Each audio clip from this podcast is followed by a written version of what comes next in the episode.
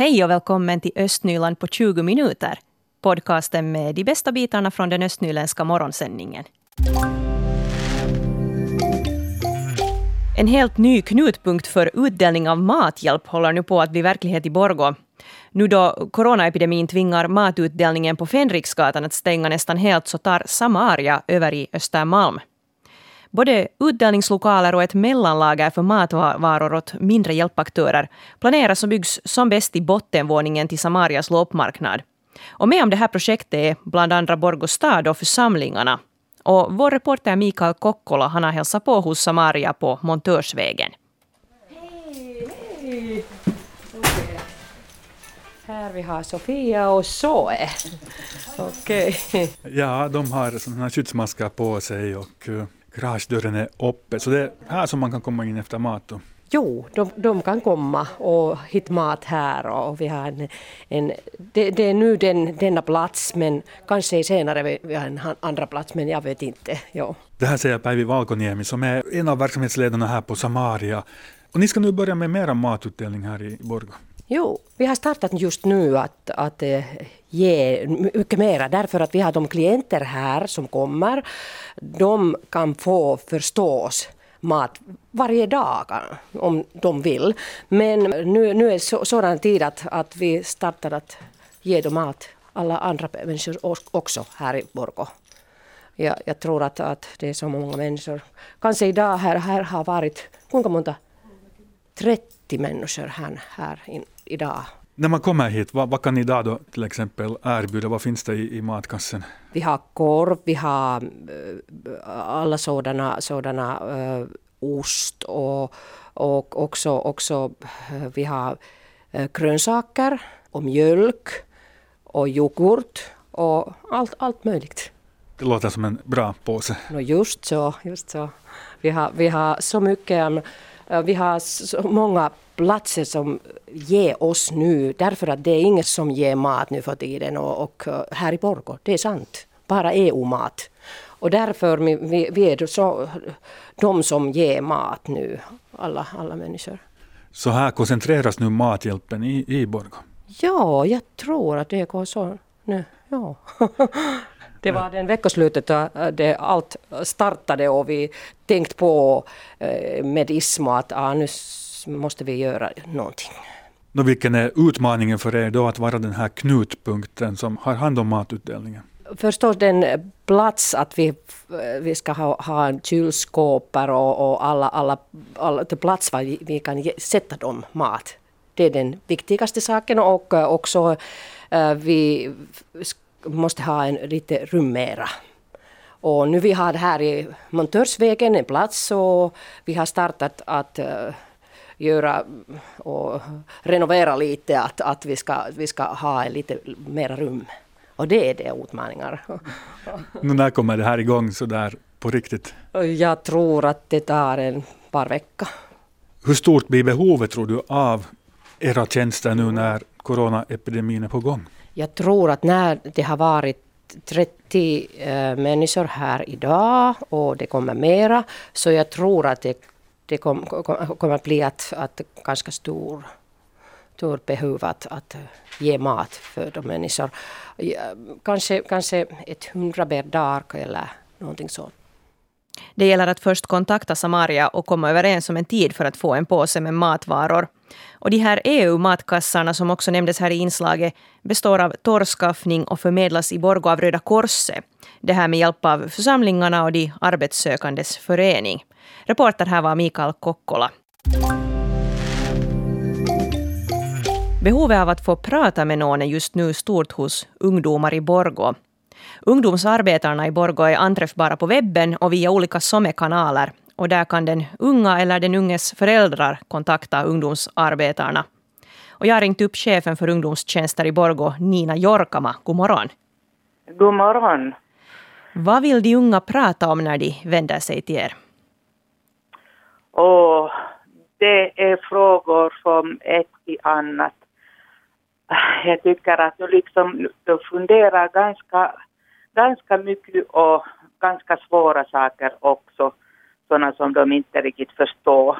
Att hela den här situationen så, så väcker det säkert mycket frågor och funderingar att, att, att vad det är och vad det kommer att hända.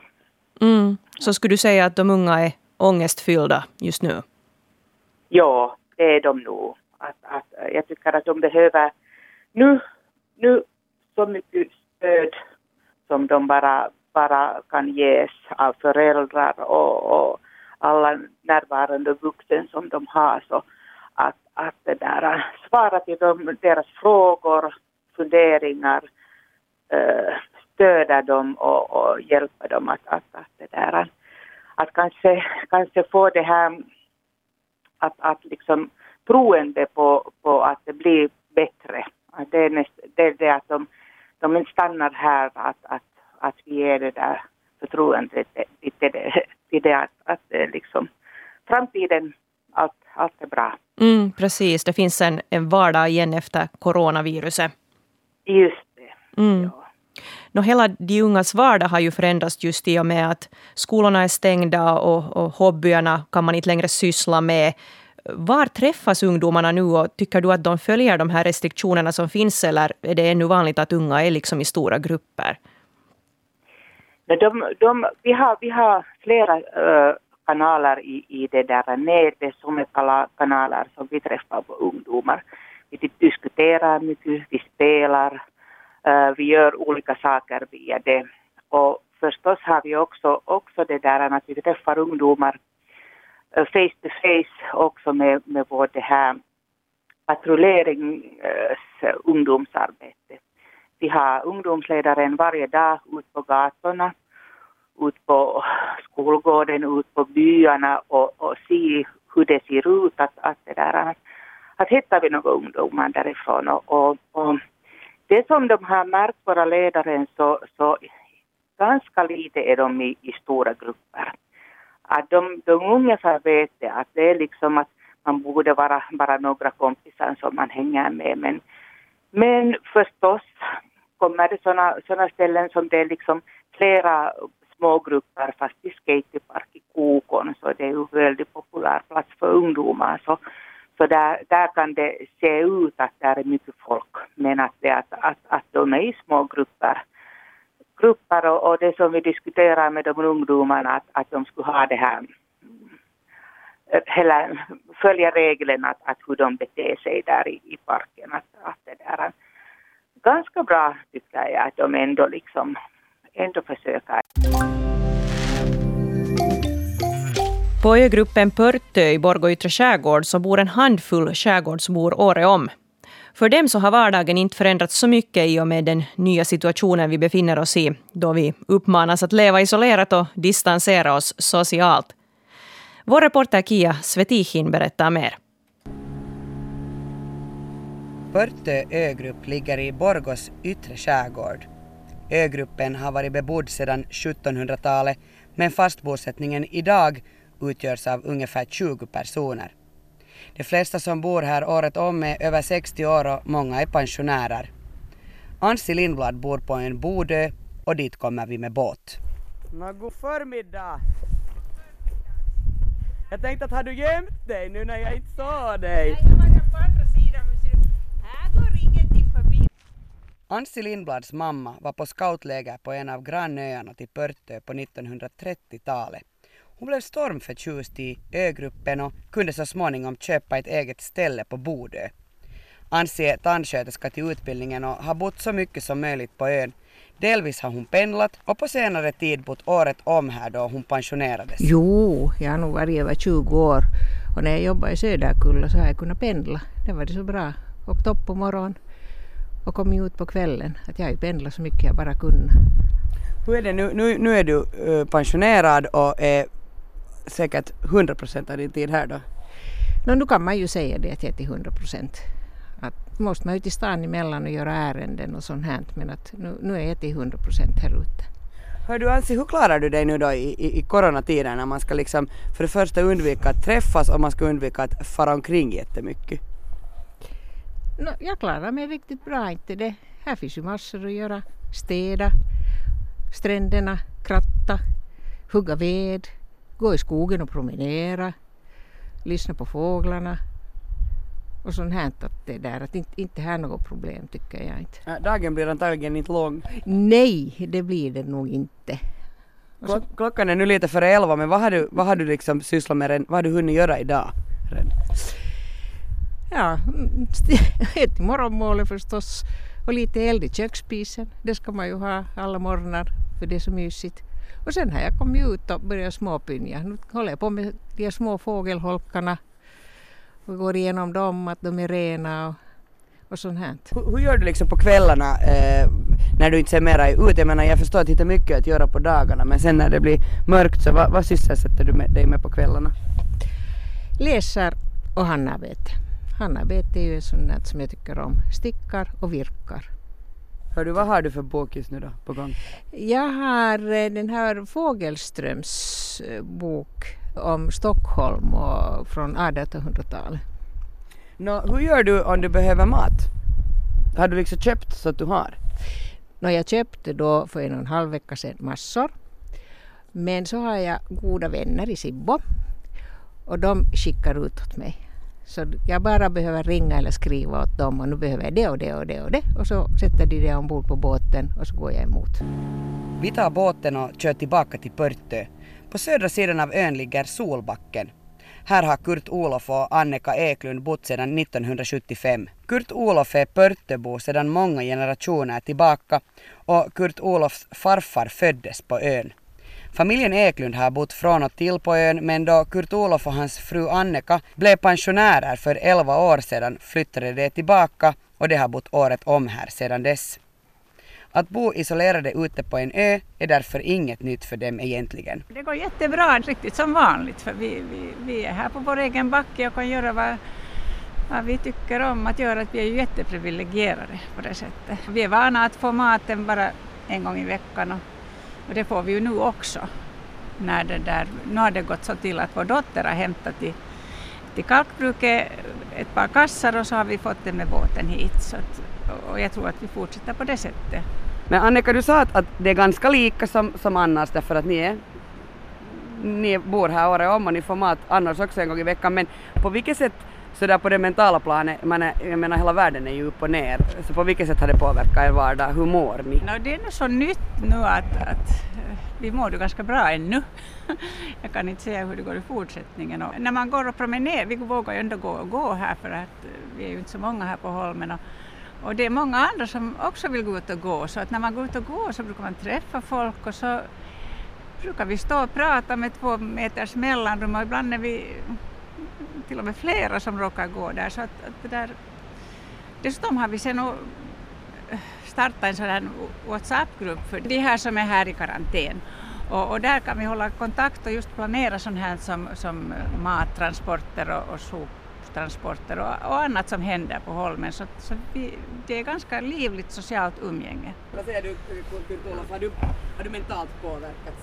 Nå, no, ja, inte vet jag nu desto mer. Det enda som man påverkas av är ju att det är det enda som man hör i nyheterna om och det kommer inte så mycket annat liksom från radion.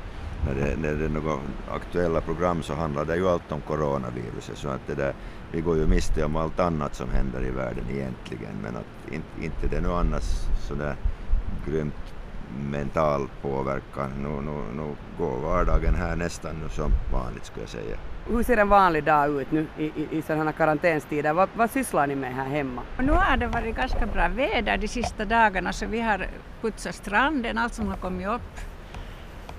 Sådana trösklar, så det har vi kärrat bort och, och... Det har ju varit öppet vatten hela vintern här så att vi har ju inte haft några isar och isföre. Så jag har nu sista tiden hållit på att lägga båten i sjösättningsskick.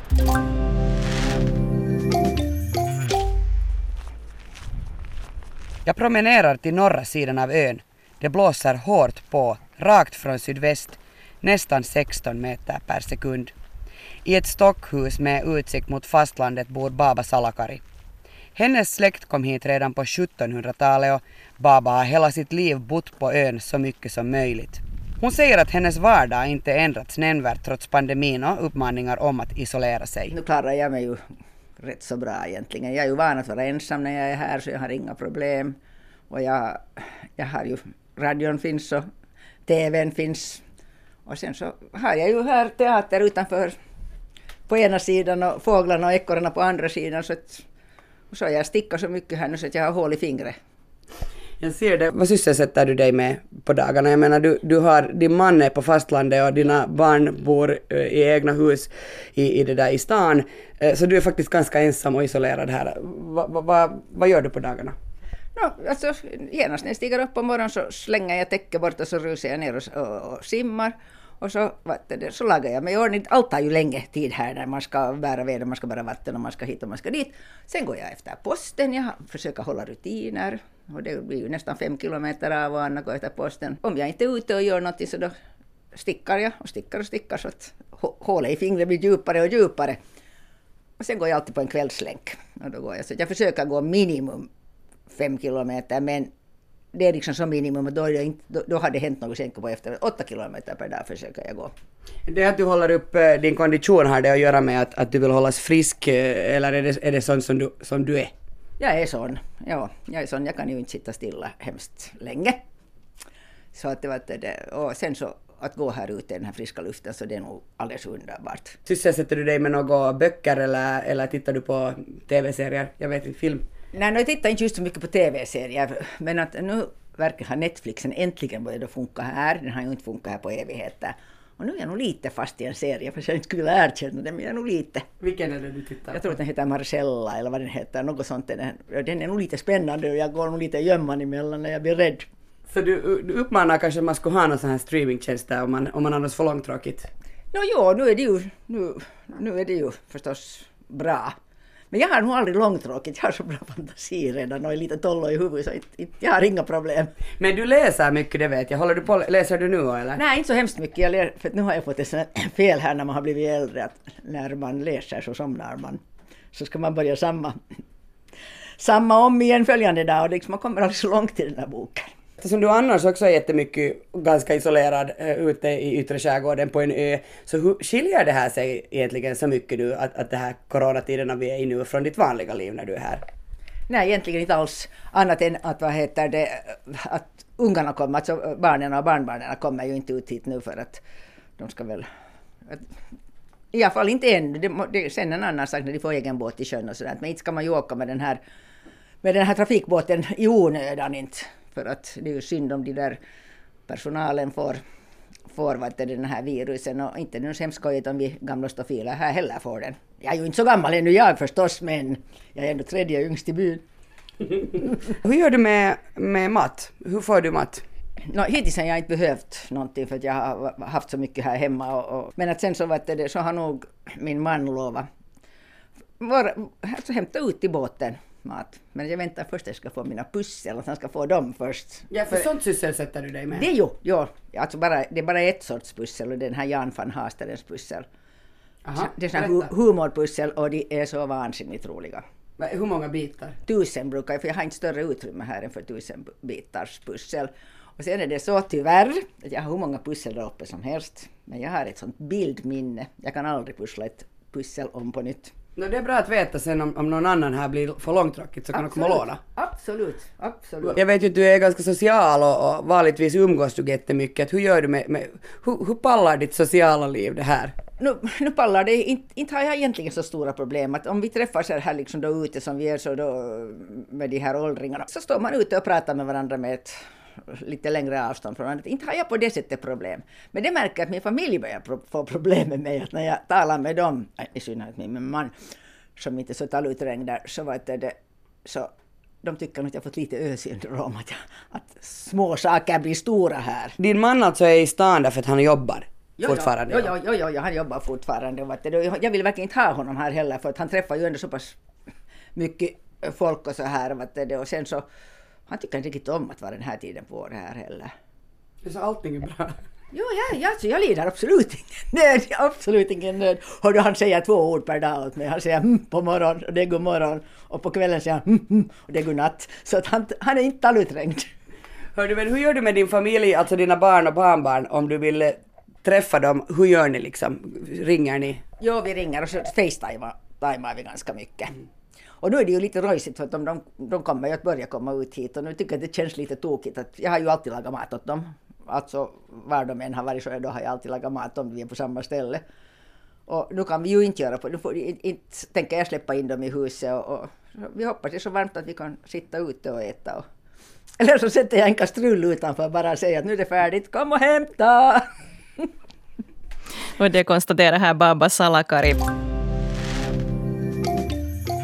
Östnyland på 20 minuter är en Svenska Yle-podcast.